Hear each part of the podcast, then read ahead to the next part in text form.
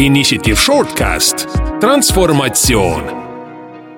tere taas kuulama meie Shortcasti transformatsioon number viis tänase alapealkirjaga Allahindlus. mul on siin äh, jälle vanad head sõbrad, Karl-Mattias Initiative'ist ja Tanel Analytica Lallist. tere, tere! tere! Jõulud on läbi, aastavahetus on läbi, ilm on muidugi super ilus talvine täna, ma ei tea, selle Shortcasti laivi minekuks võib-olla on kõik muutunud, aga aga noh, mis siin ikka, ega meil muud üle ei jää, kui jaanipäeva ootama jääda. seni, kuni jaanipäev kätte jõuab, aga on meil kindlasti ees ootamas väga palju allahindluskampaaniaid.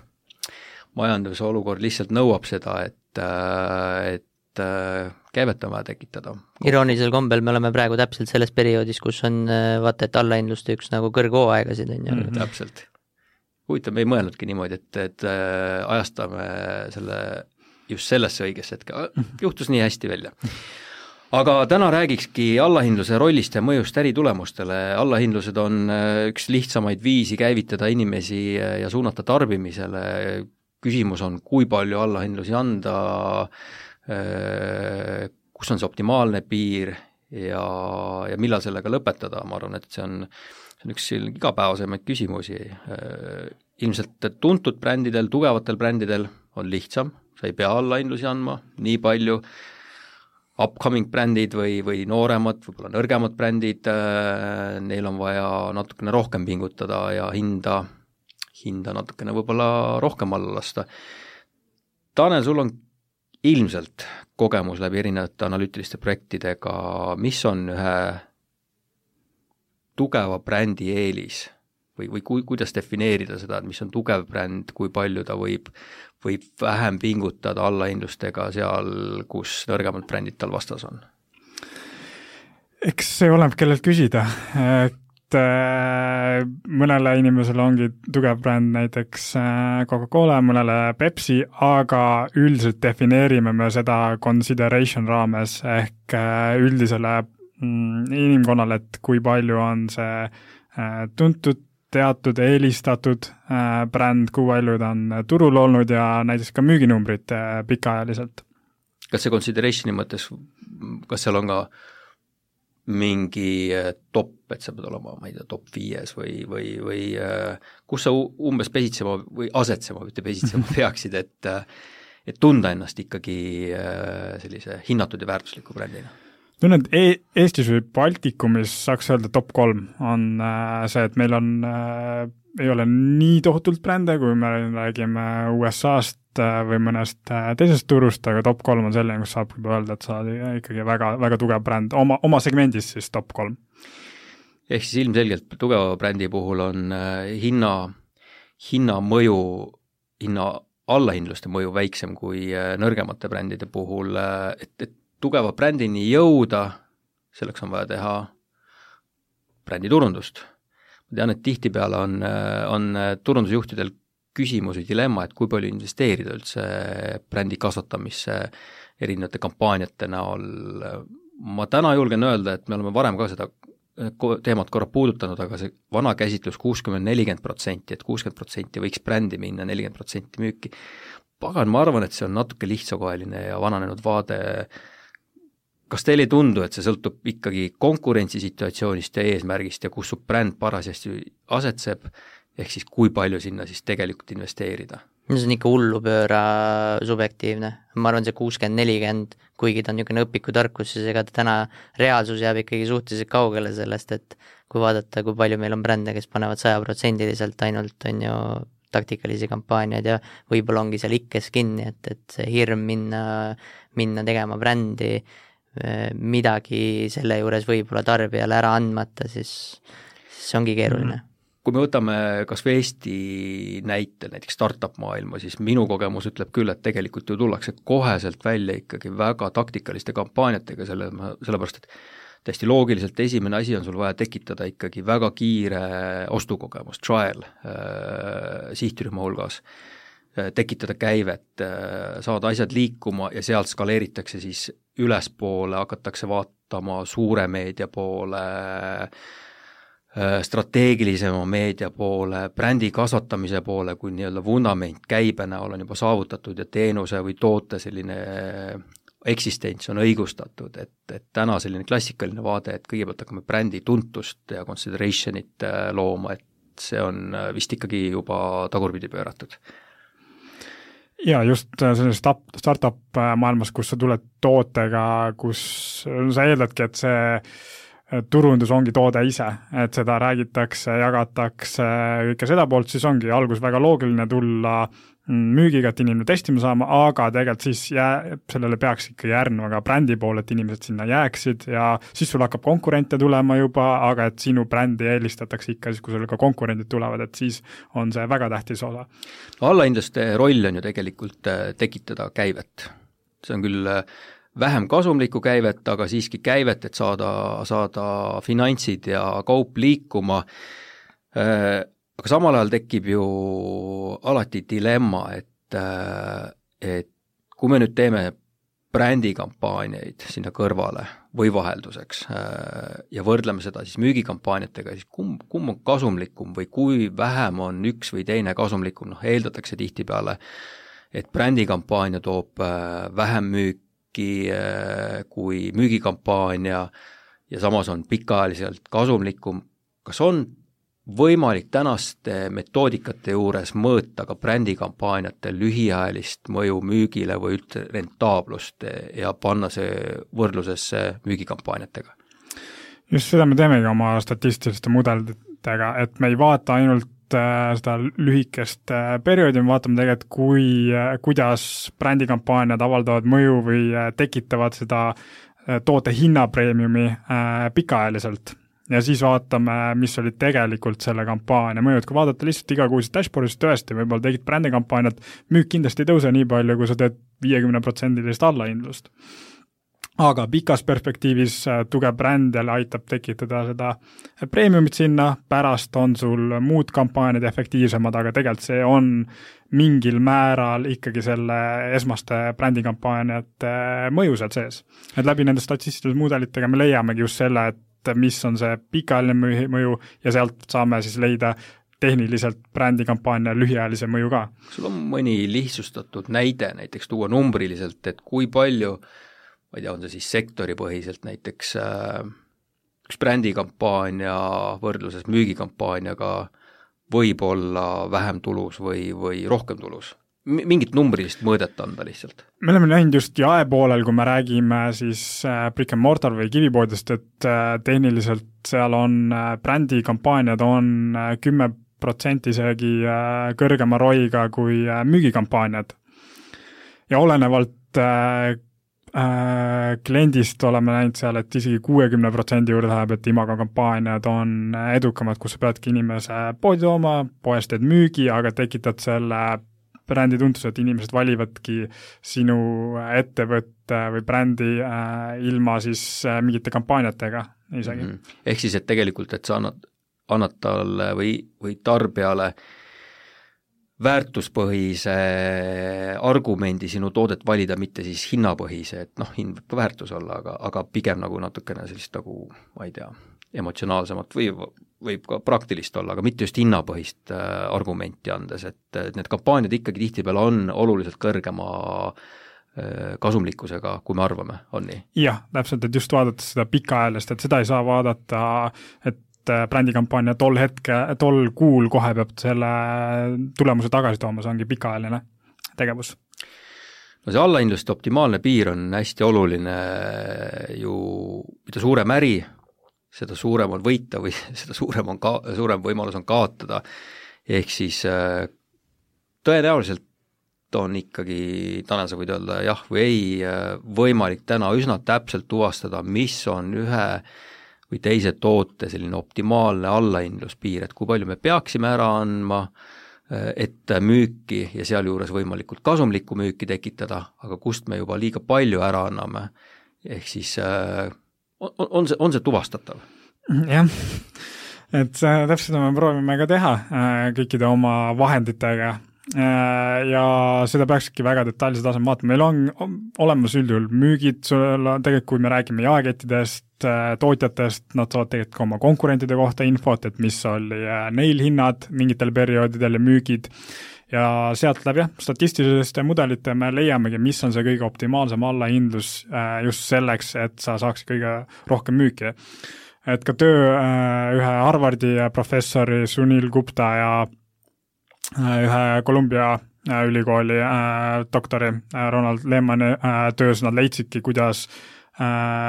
tugevamad brändid just selle alusel, et consideration nendes raames omavad kusagil kahtekümmet protsenti äh, siis hinnapreemiumit äh, sealjuures. Äh, ehk see tähendab seda, et sa võid kakskümmend protsenti kõrgemat hinda küsida? jah, okay. või siis kakskümmend protsenti madalamat allahindlust anda võrreldes oma konkurendiga, ehk mm -hmm. sa ei pea minema otseselt üks-ühele hinnavõrdlus, et mul peab odavam olema kui konkurendi tootehind, vaid mul peab mingil hinnatasemel olema võrreldes konkurendi tootega ilmselt on samamoodi ka küsimus äh, selles tihtipeale, et kui palju lisaks investeerida allahindlusele, sest allahindlus on tegelikult ju ka investeering, osa turunduse eelarvest näiteks.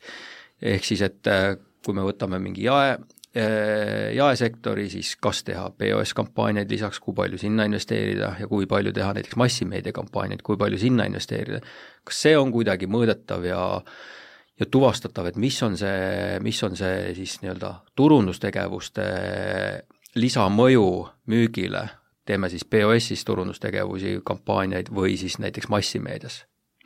me vist alustasimegi enda podcast'i sellega just, et ei tohiks neid silos vaadata, et peakski kõiki koos vaatama, allahindlust, meediat, mis meediatüüpi tehakse, et jah, me läbi statistiliste mudelite just teemegi seda, et me eristame ära, et täpselt, mis tuli allahindlustöötu müük, mis tuli äh, meediatöötu müük ja muidugi ka sünergiad, mis seal vahel on, et kui nad on koos, et äh, allahindlus ja massimeedia seal leid-, leiame ka optimaalsed investeeringutasemed, mis just toovad selle sünergia sinna. Ja samamoodi ka allahindlused, et mis on kõige optimaalsem allahindlus, et kus sa saad kõige rohkem marginaali, aga samas ikkagi hoiad müüki märgatavalt kõrgemal allahindlusega on sul, on sul mõni näide tuua näiteks või mis, mis erinevad analüütikaprojektid või, või mõni analüütikaprojekt on äh, tuvastanud, et kui palju näiteks on äh, lisategevuste või li, lisa,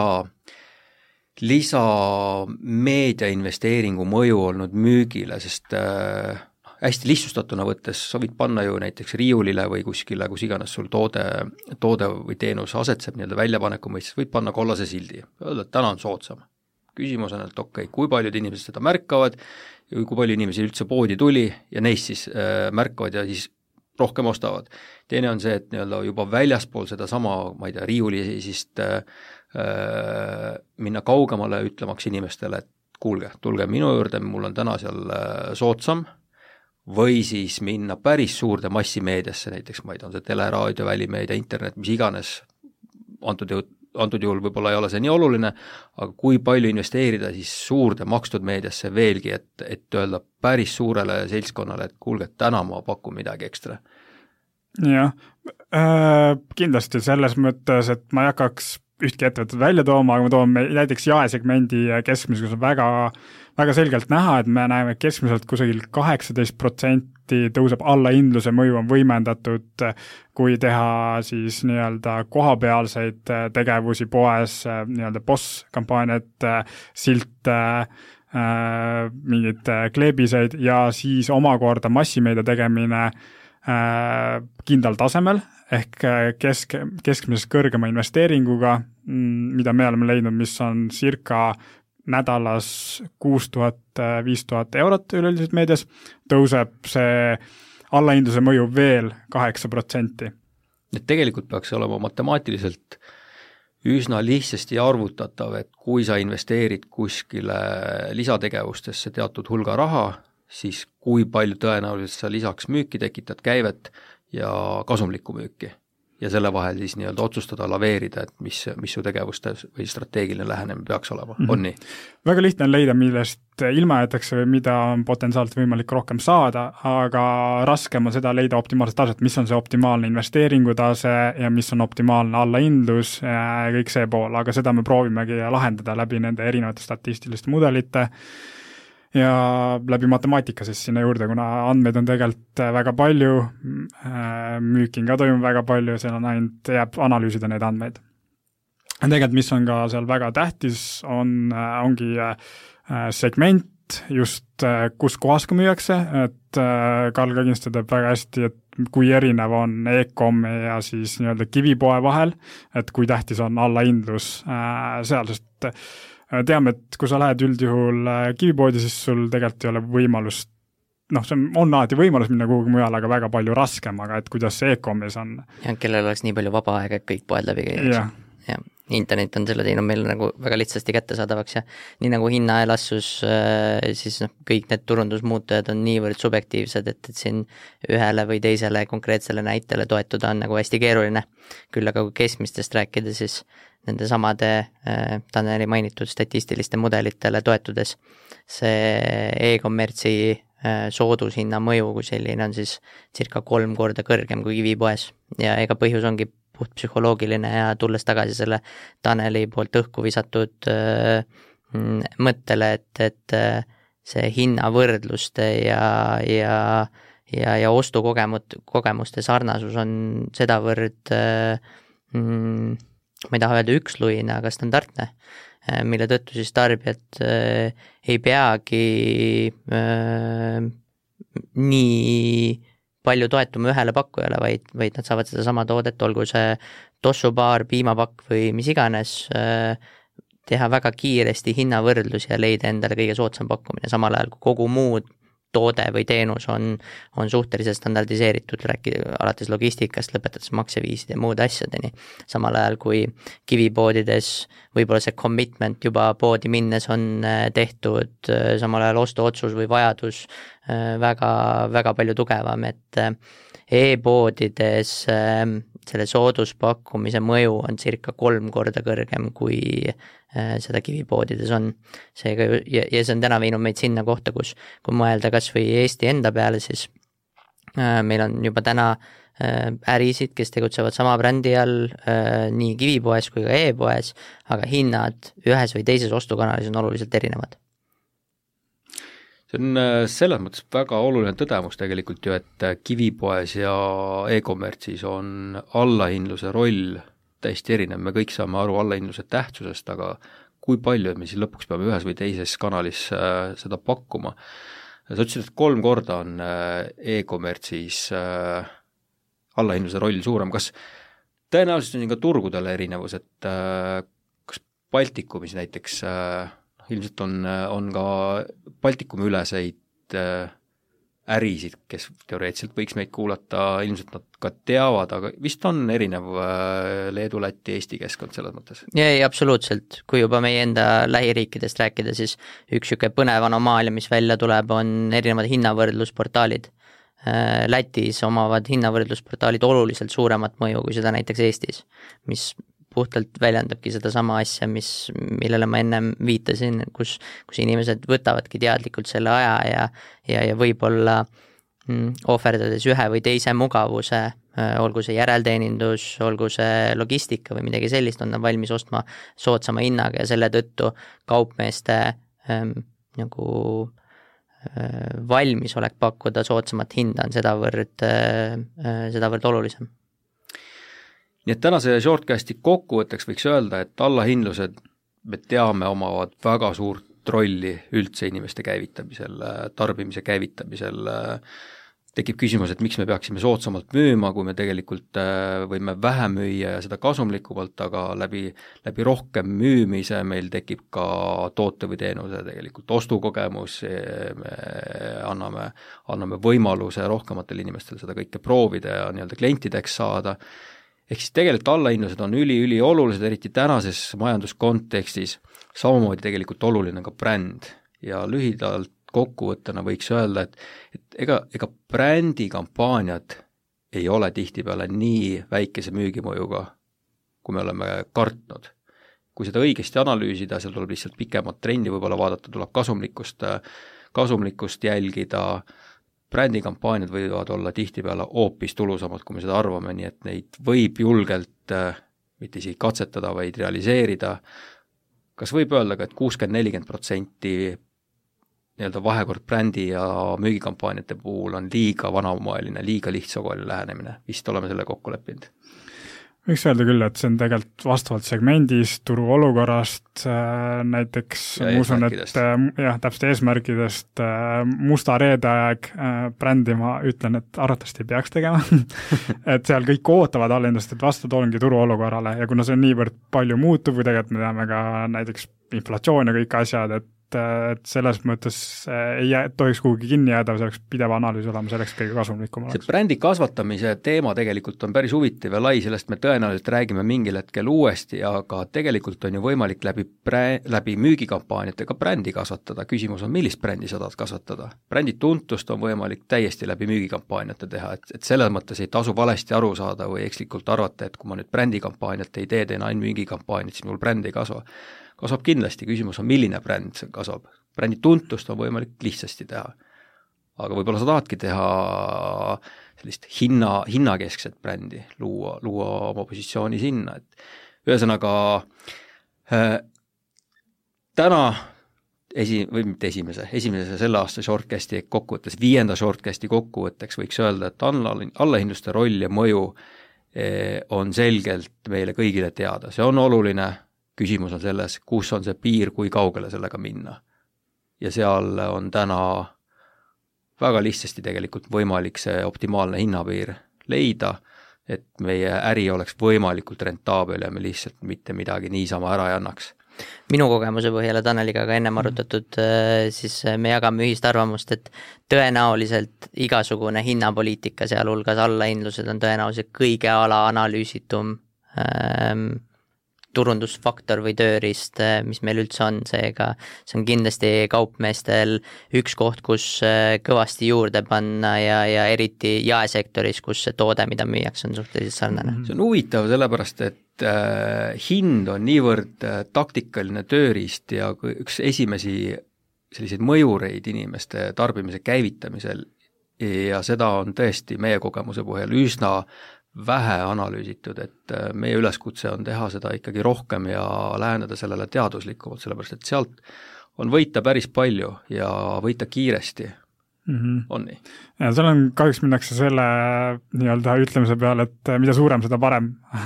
aga reaalsus ütleb, et peaks seal rohkem olema analüüsi, et, et alati ei ole nii olukord, alati on, äh, vahepeal on ka liiga suur. ma julgeks öelda, et mida väiksem, seda parem aga seda, aga seda, seda äh, müügikampaaniate kontekstis äh,. poisid ja tüdrukud äh,, daamid ja härrad, sellega me oma viienda shortcasti alapealkirjaga Allahindlus täna lõpetame äh,. nagu me alustasime, siis pärast toredaid jõule ja aastavahetuspidustusi ei jää muud üle, kui jaanipäeva oodata, aga seni peame me olema kõik väga efektiivsed, efektiivsed oma turunduses ja äritegevuses. mis tähendab seda, et täna me lõpetame, kuuleme järgmine kord, tõenäoliselt juba pisut sarnases kontekstis ja sama tiimiga. kõike head! Initiative Shortcasti transformatsioon eesmärk on läbi lühikeste ja fokusseeritud teemakäsitluste aidata mõista, kuidas muuta turundust andmepõhisemaks ja juhitavamaks Initiative on turundustransformatsiooni agentuur, mis on lisaks reklaamikampaaniate strateegilisele ja taktikalisele meediaplaneerimisele keskendunud turunduse efektiivsuse tõstmisele, kasutades big data analüüse, statistilisi mudeleid ja tarbija, brändi ning neurouuringuid. seda kõike koostöös uue analüütikaettevõttega Analytical Alley